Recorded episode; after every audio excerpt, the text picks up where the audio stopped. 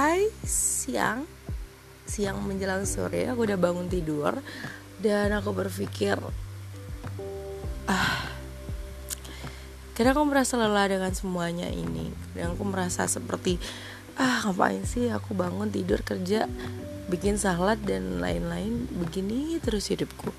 Kenapa sih kayak gini terus? Gak berubah-ubah Mungkin ada satu hal yang lagi dirahasiakan sama Allah tentang hidup aku.